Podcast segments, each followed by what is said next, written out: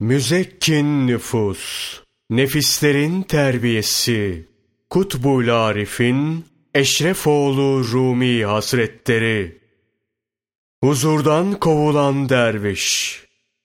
Bir gün Allah ondan razı olsun Cafer-i Sadık Hazretlerine bir kimse gelip mürid olur. İradet getirip nesi varsa Cafer-i Sadık Hazretlerinin önüne kor. Şeyh Hazretleri bırakılan mücevherlerden birini evirip çevirir, sonra tekrar müride verir. Peşinden müride, ey derviş bunları sat, karşılığında aldığın akçeleri bize getir der. Mücevherlerin sahibi bunları pazara götürüp bin altın karşılığında satar. Parasını getirip şeyhe teslim eder.'' Şeyh de bu parayı tekkenin hizmetlerinde kullanır. Bu teslimatı yapan dervişe de tekkede meşgul olacağı bir iş gösterilir. Aradan birkaç yıl geçer. Derviş, vardığı makamların kadrini ve kıymetini anlamadığından Hak Teâlâ kendisinden dervişlik nurunu alır. Dervişteki bu nur, Hak Teâlâ'nın müritlik sıfatının yansımasıdır. Dervişten bu nur gittikten sonra gönlüne dünya arzusu ve endişesi gelip yerleşir. Arkadaşlarına şöyle söylenir. Ey dervişler! Ne olacak bu halimiz? Gece gündüz ırgat gibi çalışıyoruz. Yediğimiz arpa ekmeği, giydiğimiz eski bir aba, aşımızsa arpa bulamacı. Buraya geldiğimde yüz bin akçe teslim ettim. Şeyh bu paradan bir lokma yedirmedi, yeni bir ava giydirmedi. Eskilerimize düşen bitler bağrımızı delik deşik etti.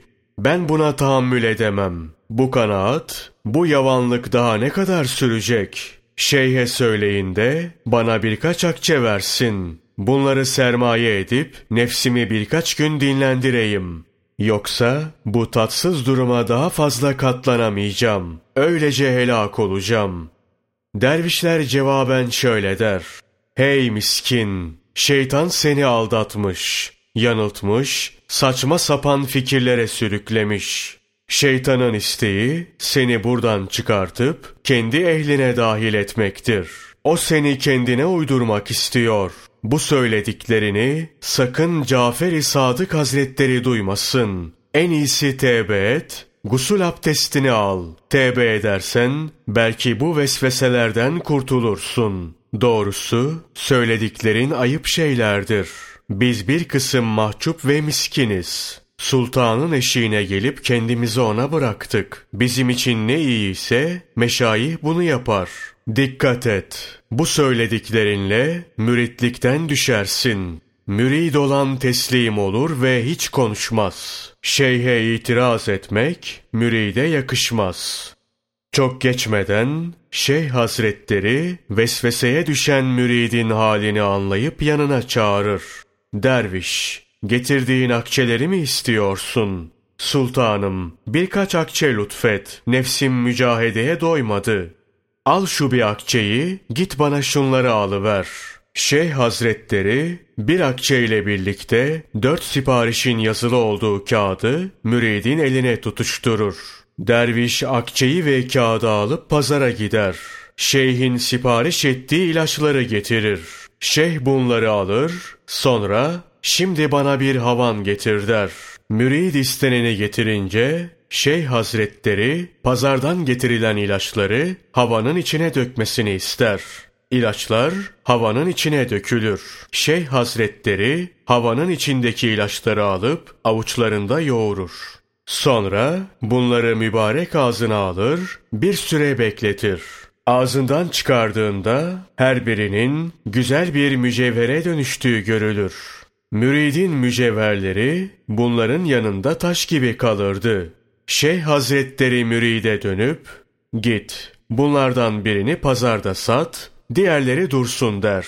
Mürit bunlardan birini alıp pazara gider, yüz bin akçeye satar. Aldığı akçeleri şeyhe getirip teslim eder. Şeyh hazretleri, derviş, bu para senin olsun der. Bundan böyle seni Allah'a ısmarlıyorum. Şimdi pazardan getirdiğin ilaçlardan yapılmış şu üç mücevheri de havana koyup onlara iyice döv. Derviş, şeyhin emrettiği gibi üç mücevheri havana koyup döver, bunlar toz haline gelir. Şeyh hazretleri, toz haline gelen mücevherlere üfleyip havaya uçurur.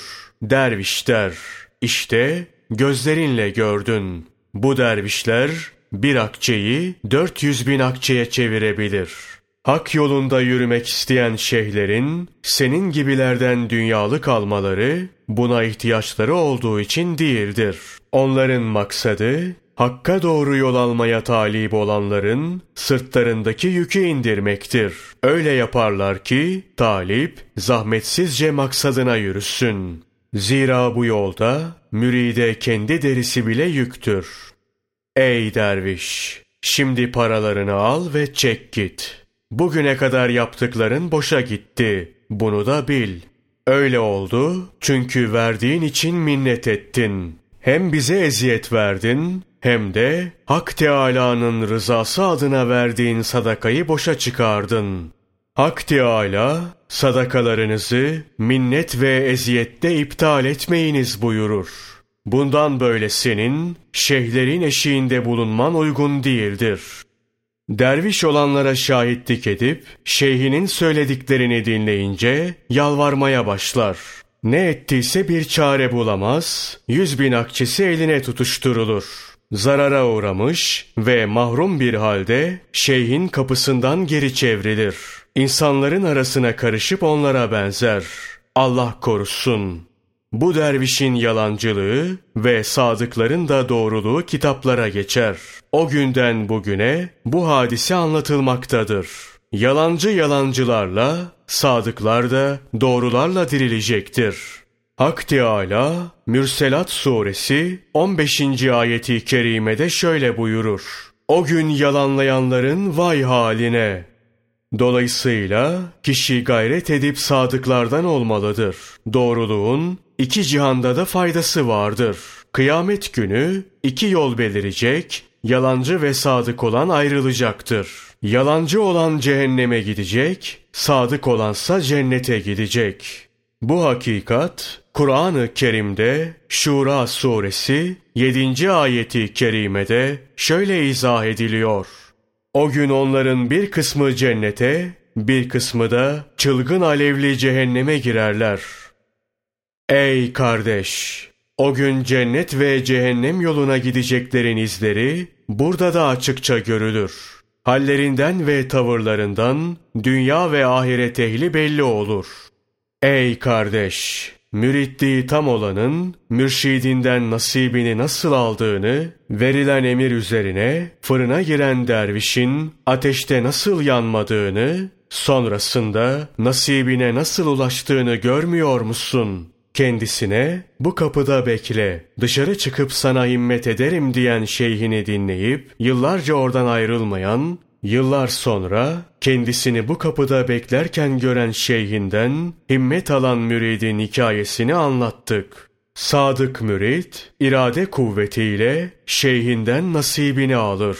Tam teslim olan talip şeyhine muhalefet etmez. Dünyasını verir, hiç minnet etmez. Şeyhinin her sözüne inanır, hiç şüphe duymaz. İkrar olan gönülde inkar barınmaz.'' Hazreti Nuh peygamber aleyhisselam gemi yaptığı sırada kafirler bölük bölük gelip nedir bu diye sorarlar. Hazreti Nuh aleyhisselam şöyle der. Gemi yapıyorum. Yarın veya öbür gün buraları su basacak. Her yer deniz gibi olacak. Kafirler Hazreti Nuh aleyhisselamı alaya alıp gülüşürler. Arkasından müminler gelir. Ey Nuh! bu yaptığın nedir diye sorarlar. Hazreti Nuh peygamber aleyhisselam şöyle der. Gemi yapıyorum. Yarın veya öbür gün Hak Teâlâ tarafından bir tufan kopartılacak. Her yer deniz gibi olacak. Bana inananlar bu gemiye binip kurtulacak. İnanmayıp gemiye binmeyenlerse helak olacak. Müminler bu gemiye bineceklerine dair söz verir. Yine o günlerde bir kadın gelip, ''Ey Nuh, böyle ne yapıyorsun? Suyun olmadığı bu yerde gemi işe yaramaz.'' dediğinde, Hazreti Nuh aleyhisselam şöyle der, Ey kadın! Tufan kopacak. Her taraf suyla dolacak. Bana uyanlar bu gemiye binip kurtulacak. Uymayıp gemiye binmeyenlerin hepsi helak olacak. Bunun üzerine kadın, ey Nuh, Kerem buyur, beni de gemiye almayı unutma der. Hazreti Nuh aleyhisselam, gönlünü hoş tut, aciz bir kadınsın, işinle meşgul ol. Tufan olunca sana haber veririm diyerek kadını rahatlatır. Kadın, Hazreti Nuh aleyhisselama inanır, işinin başına geçer. Nihayet tufan kopar. Her tarafı su basar. İnsanlar ve hayvanlar gemiye doluşur. Ortalığın ana baba gününe döndüğü bu vakitte Hazreti Nuh aleyhisselam kadını unutur. Tufan o kadar büyük olur ki yeryüzünün tamamını su kaplar. Yüce dağların başında kırk arşın derinliğinde sular olur. Kafirlerin hepsi helak olur. Gemiye binenler kurtulur. Hazreti Nuh aleyhisselamın Rabbine yalvarması Kur'an-ı Kerim'de Nuh suresi 26 ve 27. ayeti kerimelerde şöyle ifade edilir. Nuh şöyle dedi. Ey Rabbim! Kafirlerden hiç kimseyi yeryüzünde bırakma. Cenab-ı Hak zamanla suları geri çeker, gemi bir yerde sabitlenir. Bunun hikayesi uzundur. Biz yine maksadımıza dönelim. Yeryüzü eski halini alır. Gemide olanlar karaya çıkıp yerlerine geçerler. Bu sırada Hazreti Nuh peygamber aleyhisselamdan söz alan kadın asasına dayanarak yanına gelip ''Ey Nuh, tufan olmadı mı?'' diye sorar. Hazreti Nuh aleyhisselam ve yanındakiler şaşkınlık içerisinde ''Ey hatun kişi, tufan olup bitti, sen nerelerdeydin?'' der. ''Ben tufan görmedim.'' der kadın. ''Evimde oturup haber vermeni bekliyordum. Haberin gelince gelip gemiye binecektim.'' Hazreti Nuh aleyhisselam kadına haber vermeyi unutmuştu. Ancak alemlerin Rabbi olan Allah her zaman hazır, nazır ve hafızdı. Kadını korumuştu. Ey can! Hak Teâlâ'nın dostlarının gayreti yine kendilerinedir. Nebi ve velilerin gayreti üzerinedir. Onların vekili Allah'tır. Dolayısıyla Allah'ın dostlarına inanmak durumundayız. Onların vaatlerine inanmak gereklidir. Hatta o vaatleri latife şeklinde olsa bile inanmalıyız. Mürit, müritliğin beş şartını da yerine getirip mürşidine teslim olmalıdır. Beş şart, temiz bir niyet, doğruluk, tevbe, teslimiyet ve dünyadan uzaklaşmaktır. Bu şartlar yerine getirildiğinde mürit kendini hep mürşidinin huzurunda bilmelidir. Her ne iş buyurduysa yerine getirmeli, güzel bir edeple hizmet etmelidir. Evet, müride edep de gerekir. Zira edepsizlik teslimiyeti bozar. Teslimiyetin bozulması da müritliği bitirir. Öyleyse müride edep lazımdır. Allah'ın dostlarından nasiplenebilmek için edepli olmak şarttır. Mevlana Celaleddin Rumi, Kuddise Sırrıhu, Mesnevisinde şöyle der. Allah'ın bize edep bağışlamasını isteyelim. Zira edebi ve terbiyesi eksik olan, onun lütuflarına layık değildir. Teslimiyet ve edep, müritliğin merdivenidir. Edepsizlik eden, bu merdivenden düşer. Bu merdivenden düşen de, cehenneme kadar gider.'' Allah dostlarının huzurunda durup hizmet etmenin edebi çoktur. Lüzumlu olanlardan kısaca bahsedeyim. Meşayihe hizmet etmenin birinci edebi, karşılarında oturup fazla konuşmamak, izzet ve hürmette kusur etmemektir. Zira meşayihin izzeti, Hak Teâlâ'nındır. Erenlerin yanında fazla oturup konuşmamak gerekir.'' Fazla oturup konuşulduğunda bir küstahlıkta bulunabilir, meşayihin gönlü incitilebilir. Böyle durumlarda kişi kovulanlardan olur.''